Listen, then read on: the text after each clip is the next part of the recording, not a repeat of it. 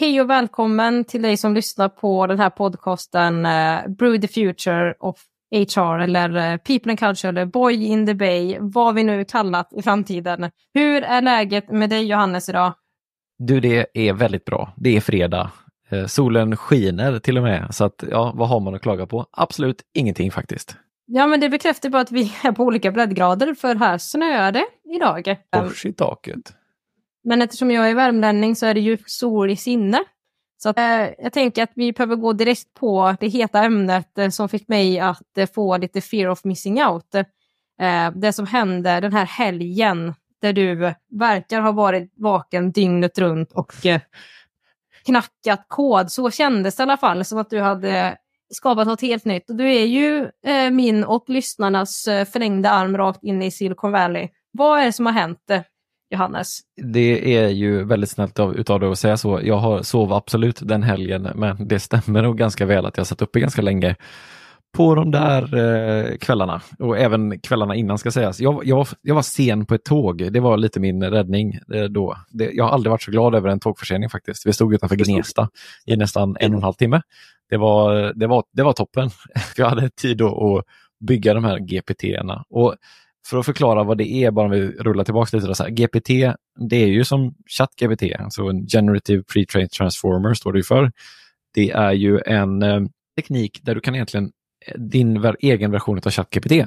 Så säg att du har ett specifikt problem som du vill lösa eller om du har en pdf som du vill kunna prata med helt enkelt. Då kan du ladda upp den till ChatGPT och prata med den. Och då tänker man så här, ja men det har gått förut, eller jo, ja det har gått förut, men nu kan du verkligen programmera den också. Men du behöver inte kunna vara, du behöver inte programmera. Eh, du behöver inte vara programmerare, du behöver inte kunna en enda rad kod. Det, det räcker med att beskriva. Jag vill att du ska göra så här, eh, leta efter datan här, eller om man har lite kodskills så kan man också säga så här, här finns det öppen data i ett API, alltså ett gränssnitt som gör att du kan plocka hem datan därifrån. Eh, kan du plocka in den och så kan jag ställa frågor om datan. Så att då går det att plocka in till exempel då, eh, SCB har ju massa öppen statistik kring löner till exempel.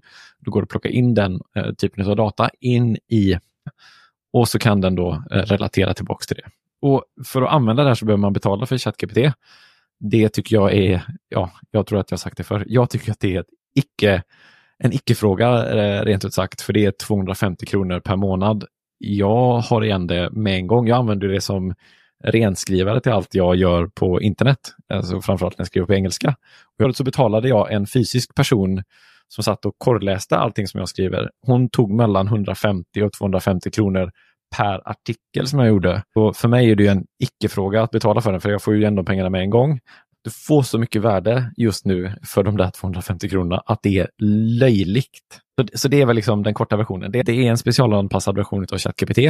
Kostar 250 spänn och eh, betalar de här 250 kronorna kan du dels bygga den själv, men du kan också då komma åt alla så andra sådana här GPTs som är byggda. Så att eh, det, är, det, är, det är den korta versionen. Och jag har ju själv försökt eh, kolla in lite i det här, men om man backar liksom ännu mer, eller bara lite till, någon dag då säger vi, när ChatGPT eller OpenAI lanserade det här, vad var deras liksom varför? Vad är syftet med det här? Jämfört då som du sa att ja, men man kan väl använda bara den gamla och ge den rätt prompt så är det typ samma sak. Vad, vad är deras, liksom, tror du, affärsvinning i att de lanserar det här? Men det är ju jag tänker att det är, flera saker. Dels, men de vill ju ha upp användarvänligheten, tänker jag. Det, det, finns ju en intressant podd som heter Stratechery, alltså Strategy and Tech, som skrivs av Ben Thompson som jag har lyssnat på. Jag vet inte gud hur länge jag har lyssnat på den. Snart tio år tror jag det är som jag har betalat 150 dollar för att få eh, lyssna på honom eller få, få läsa hans artiklar. Eh, och han sa ju det efter att det hade lanserats att man ska komma ihåg att tekniken aldrig kommer vara sämre än den är nu. Den är som sämst just nu. Mm. Och det är ju det som de tänker och driver mot hela tiden. De vill ha högre användarvänlighet och här slipper du alla de här prompt engineering som jag om jag ska vara helt ärlig, aldrig har varit ett superfan av. För det har liksom stått skrivet i stjärnan att prompt engineering kommer försvinna. Det, att det ska vara så krångligt att du liksom behöver läsa på och bli en liten professor på hur du skriver prompts. Det är självklart så att det inte kommer behöva vara så i framtiden för att det, det är ingen som orkar bli det. Eh, så, så att jag, eh, jag, har, jag har aldrig köpt in på det. Jag vet att en del har haft det på LinkedIn och det eh, tycker jag inte... Jag skrattar lite åt dem nu för att ja, det måste känna sig helt överflödiga. För att det som det gör egentligen det är ju att de kommer färdigpromptade. Jag byggde en eh, kollektivavtals-GPT. Eh, eh, eh, jag laddade upp 200 kollektivavtal. Det var det jobbiga kan man säga, just hitta kollektivavtalen, få ner dem i ett vettigt format och sen sammanställa dem till ett vettigt format som ChatGPT kan läsa. Men, men när väl det är gjort, liksom, då kan du prata med kollektivavtal och då behöver du inte prompta den på något sätt, utan du kan bara gå in och fråga arbetsrättsfrågor kopplat till vad det än må vara. Och det första den gör då är att fråga så här, ja men vilket kollektivavtal har du? Och sen så letar den i sin databas, ja men okej, okay, så du har HRF, okej, okay, ja men har du HRF, då är det här som gäller. Så att du behöver inte koda längre, du behöver inte prompta eh, heller, utan du kan bara agera som vanligt egentligen. Och Det är klart att det sätter en begränsning för att du behöver hitta då rätt GPT. Eh, det är nästa problem för dem att lösa. De säger att de ska lansera någon App Store-liknande grej för det. Den stora vinningen är att för användaren är det superenkelt. Okej, okay, den här GPT löser det här specifika problemet. Pang, jag går in, frågar min fråga och går ut igen. Så ah, jag, jag tror användarvänligheten och få upp eh, usability och som allt annat också se vad, vad, vad frågar folk. De är ju en data mining-maskin. Liksom. De vill ju ha så mycket data som möjligt. Det, här, det är ju helt fantastiskt just för jag, som du säger, det är så enkelt. Det gör det ännu enklare att hitta bra svar på ett snabbt sätt. Eh, du släppte ju en, um, vad ska man säga, en tutorial hur man gör det här. Du visade hur mm. det här gick till. Uh, superpedagogiskt, så att jag, jag tänkte att jag måste ju testa, för annars vet jag ju inte. Men det tog inte många minuter att skapa den där. Sen det spårade för mig var jag bara, i vilket område eh, ska jag testa. Eh, men så jag bara testade och gjorde själv en kring eh, inkludering och mångfald just på tema för att jag hade varit med i en annan podd och pratat om de frågorna. Så tänkte jag då kan man göra en specifik IT bara för det området och tog in de lagar och regler som finns kopplat till det eh, och har gått dit och i tvätt olika texter och liksom fått hjälp och hur ska jag tänka strategiskt med frågorna. Det funkar jättebra. Och just att inte behöva börja skriva de där prompten utan faktiskt den är liksom färdigprogrammerad så att eh, Även om jag först kände så här, ah, Johannes, jag har ju precis kommit in och lärt mig att använda ChatGPT som den är och beteendet förändrat mig och så kom det någonting nytt. Men när jag bara liksom började igen testa så insåg jag att vänta nu, det är inte rocket science utan det här kan man förstå och man kan faktiskt lära sig själv att man behöver faktiskt inte vara ingenjör för att göra det utan det tycker jag är så häftigt att faktiskt vem som helst kan gå in och skapa det här. Om Verkligen. du betalar.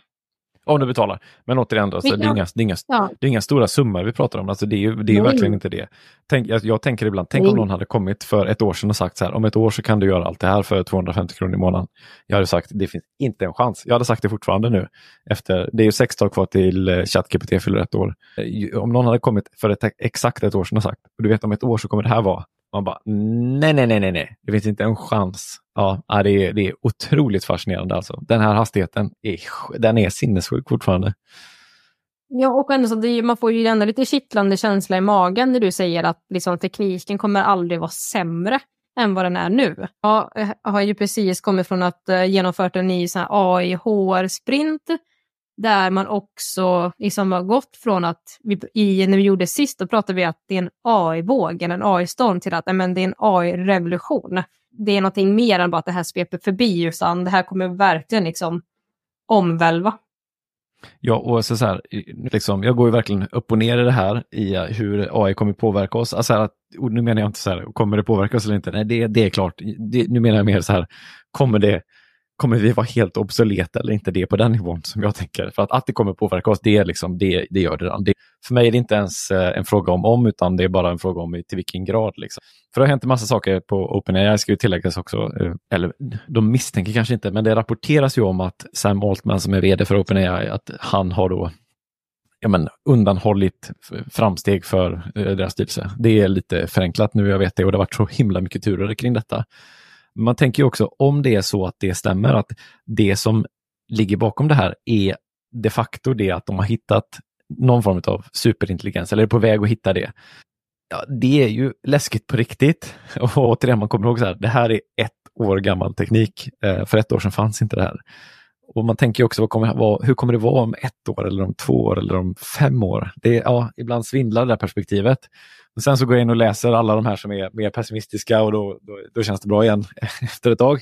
Jag pendlar verkligen mellan det där, ja det kommer gå åt skogen för oss allihopa, eller vi kommer liksom bli ersatta av maskiner inom kort, till att äh, vi klarar oss nog.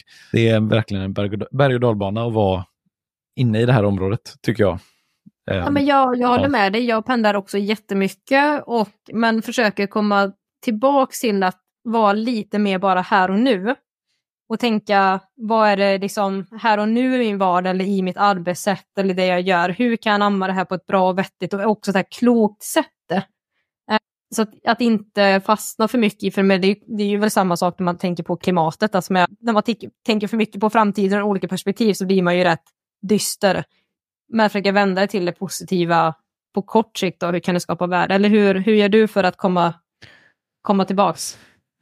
Nej, jag, jag, går in och läser. Det finns en kille som heter Gary, Mar äh, Gary Marcus. Han är ganska pessimistisk kring det här. Jag brukar läsa hans, han har en substack och eh, på, på X är han mycket aktiv. Så att jag brukar gå in och läsa honom och då brukar livet kännas bättre igen. Eller Jan LeCun från Meta som också är så här optimistisk och säga att det här är lugnt. Eh, det är mycket de jag brukar lyssna på när det, när det blir för dystopiskt. Men, men annars, jag håller med. Det är här och nu och vad kan vi göra? Vad kan vi, vad kan vi påverka? Vad kan vi inte påverka? Det, det är ju där man får, det är ju där man får landa. Men, men det som jag kämpar med lite är ju så här, livet pågår ju fortfarande. Alltså det är bara vi, vi rullar ju på som vanligt. Och jag kan ibland bara bli så här, men fattar inte folk vad som håller på att hända? Men sen, det fattar ju folk till viss del, men jag fattar också att det är svårt att förutse exakt vad som kommer hända. Men ibland undrar jag bara så här, ja, vi pratar om en det ena, en det tredje, men bara, det här händer ju nu typ. Ibland blir jag lite så förvånad över att vi inte pratar ännu mer etik och hur vill vi ha det och hur kommer det bli?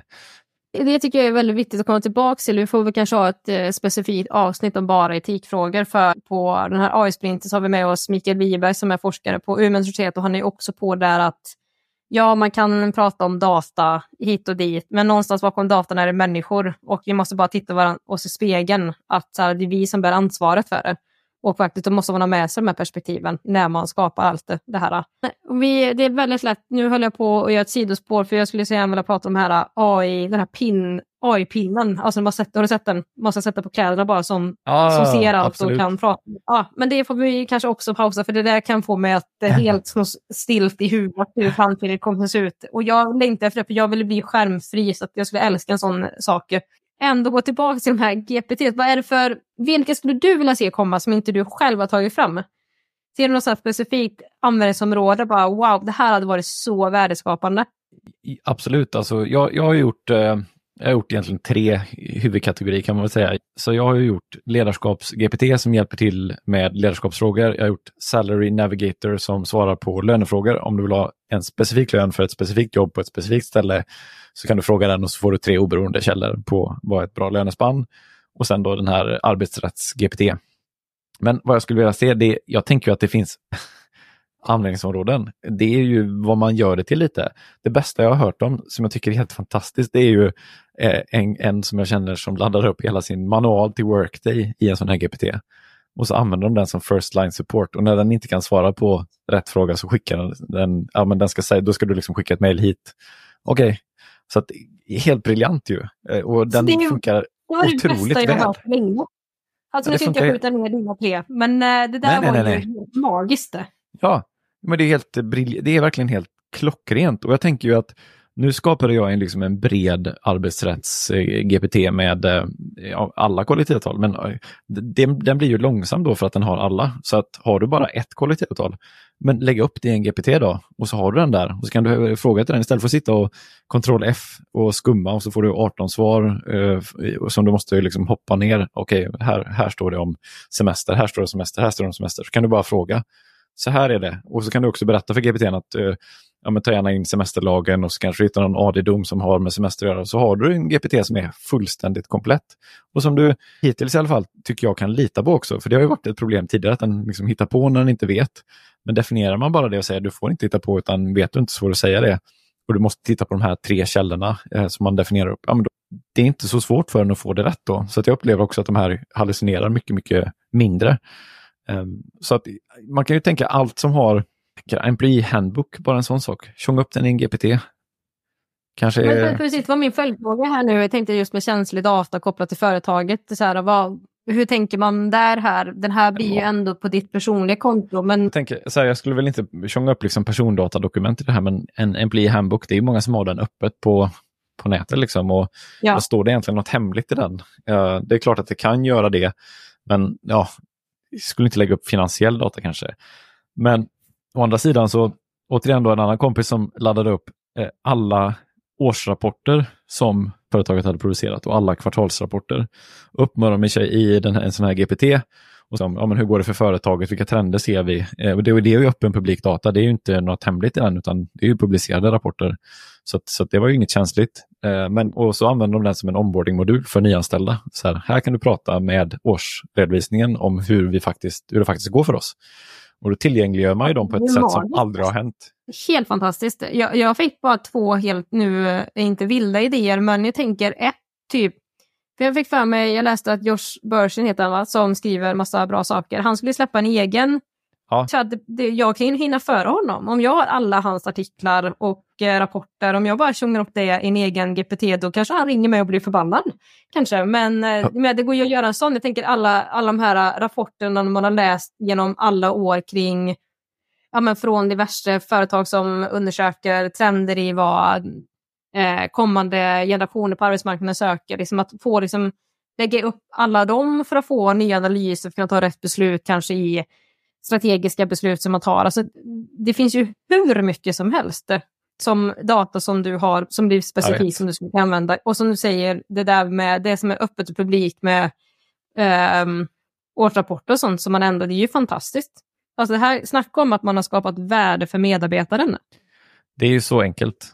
Det är, alltså det är ju det. Och det, att bygga de här tar det är klart att det som, det, det, som tar längst tid det är ju om du ska ha liksom de här datasätten och du måste se till att de är rätt format. Du kan bara ladda upp 10 pdf till exempel så att då måste du ju då sammanfoga pdf. -er. Varje pdf får vara max 25 megabyte vilket innebär att du måste då krympa varje pdf också. Så det är lite tricks och, och fix med det där. Ligger datan öppet då kan du bara säga så här, titta på Josh Bersins sajt till exempel, sammanfatta han, all hans kunskap. Men det, det, det är ju ingen, det är ingen slump att han nu då släppte den här Galileo som den heter i, i samband med att GPT släpptes. Det kan vi nog konstatera. Han har ju pratat om den där, han började prata om den i början av juni i år, att han hade en chatbot på gång. Sen kommer den säkert vara liksom mer lik än vad man någonsin kan bygga med en GPT just nu i alla fall. Men, men det, det är absolut ingen slump att han fick tummen ur till slut och liksom avslöjade att nu, nu är den här och eh, då, han har inte släppt den publikt än, men han har släppt den till ett utvalt antal kunder. De som är företagskunder och sådana. Då. Men, men eh, ja, är det... ja, om jag hade jobbat så mycket som jag vet att han har gjort med den där, då hade jag varit lite svajig också och varit väldigt mån om att få ut den.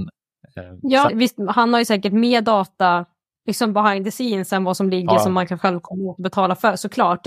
Men det kommer ändå vara good enough kanske för att använda liksom till att dra ut, eh, ja, men få inspel om saker och liksom använda. Så att det är, ja, gud vad spännande. Ja, det är återigen priset. Liksom. Det här är då för 2000 kronor om, ja, men 2500 kronor om året. Eller 3000 då blir mm. det väl. För 3000 kronor om året så får du tillgång till den här och då kan du bygga en för att han då lyfter fram att det här är en HR-bot och du kan fråga den väldigt specifika frågor. Det är ju samma sak här. Spesar du upp den, jag har, nu har inte jag byggt någon HR advisory bot själv, men jag har sett flera andra som har gjort det. Spesar du upp den på ett rätt sätt, ja, men då får du ju samma svar egentligen, eller motsvarande svar. Kanske till och med lite, lite bättre eftersom den har mer kunskap än eh, vad Josh Bersins modeller har. Sen är det klart, han har kvalitetssäkrat sitt på ett annat sätt, men det skulle du kunna göra här också. Så att, mm. det, det, är otroligt spännande. Det finns så mycket att göra det här och framförallt att man inte behöver koda. Du behöver inte koda en enda rad om du inte vill. Det, det är helt knäppt.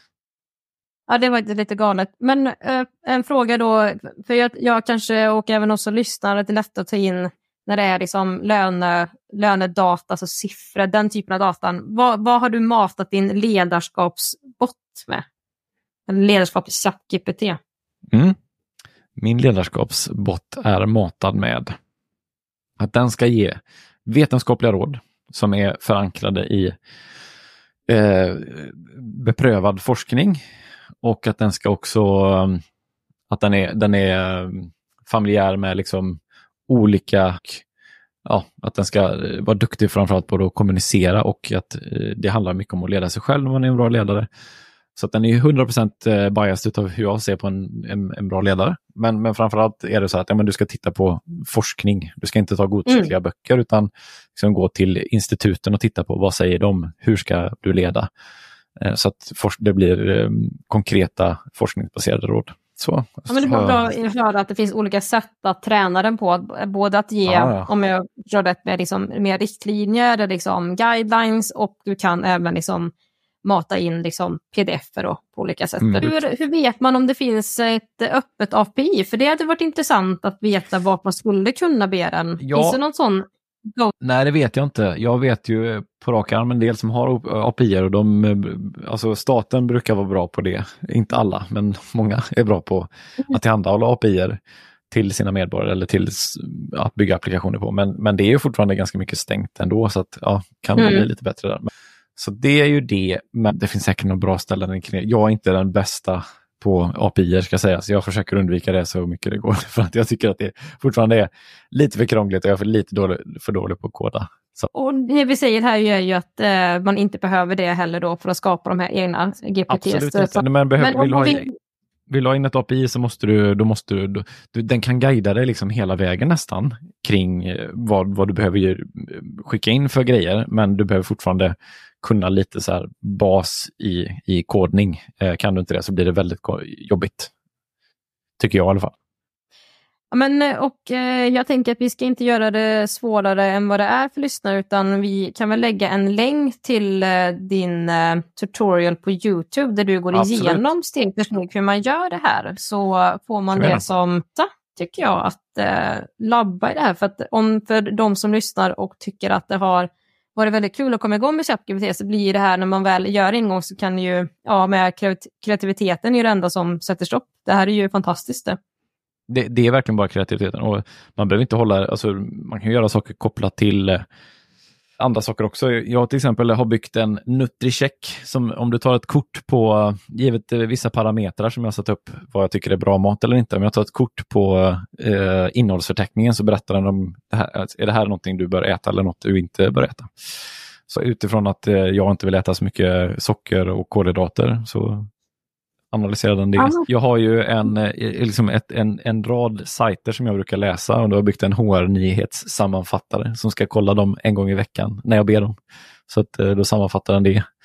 Jag byggde ju en, bara för att testa om det var eh, kul, eller bara för kul egentligen, så byggde jag ju en LinkedIn Maverick som ska göra sån här hyper influencer poster på LinkedIn som är helt knäppa. Det var det var både roligt och, och, tråkigt att se när jag postade det förra lördagen att folk inte verkade fatta riktigt att det här var bara på skoj. för att det var, det var den jag kommenterade och sa att ja. jag trodde du hade blivit hackad. Ja men det var ja, ju exakt. så. Ja men jag tänkte så här, nu har Johannes, så här, nu ska han ha en utveckling. Ja men jag tänkte nu ska han göra någonting ja. annat. Det var folk som hörde av sig bara, vad har hänt typ? Bara, Nej men det var ju bara på skoj. Ja det, det ligger längst ner att det var på skoj. Men det, det, går, det, går att göra helt, eh, det går att göra jättemånga saker med det helt enkelt. Det och jag har sett så mycket olika grejer eh, kring detta. Så sammanfatta YouTube-videos till exempel. Hej, kan du sammanfatta det viktigaste i detta? Och så gör den det på noll sekunder. Så, att, så den kan även ta videos? Den Allt kan ta videos. Jajamän, ja. den är ju uppkopplad ja. så att eh, om, den, om, mm. du, om du vill att den ska vara uppkopplad så är den det. Så att, eh, mm. ja. ja Men coolt. då tänker jag, Johannes Sundlo, ska inte du skapa en eh, fullstack eh, GPT som sammanfattar alla dina blogg eh, nyhetsbrev, allt du har gjort och skrivit någon gång någonsin på dina 14 år? Ja. Jag har en sån. Ja, men... Bara för mig själv. Men eh, okay. som, tar, som eh, tittar på vad brukar min eh, stil och ton och det första jag frågar är vad säger jag emot mig själv? Det var ganska många gånger. Så att ja, det ja, det är fantastiskt. Vilket verktyg om man skriver mycket och gör mycket nyhetsbrev och gjort det länge att faktiskt få den checken. Liksom. Absolut. Ja, jag känner att det här går nog att prata om i all evighet för det tar ju inte stopp med möjligheterna. Uh, jag tänker vi får länka till um, alla de här olika som vi har nämnt här nu för det blir nog svårt ja. att hålla, hålla koll på alla olika förslag. Exakt. Men superspännande. Det känns som det går väldigt snabbt men uh, vi försöker ta det tillbaks till vad kan jag göra i min vardag, vart kan jag börja och uh, ja. det är väl egentligen bara avslut med en uppmaning i att prova labba med det här. Det är inte så svårt som det låter. Nej, exakt. Det tycker jag är en fantastisk uppmaning. Det blir bra. Det blir in bra. och labba. Yes, in och labba så hörs vi. Tack för så mycket för idag så hörs vi. Det blir långt här.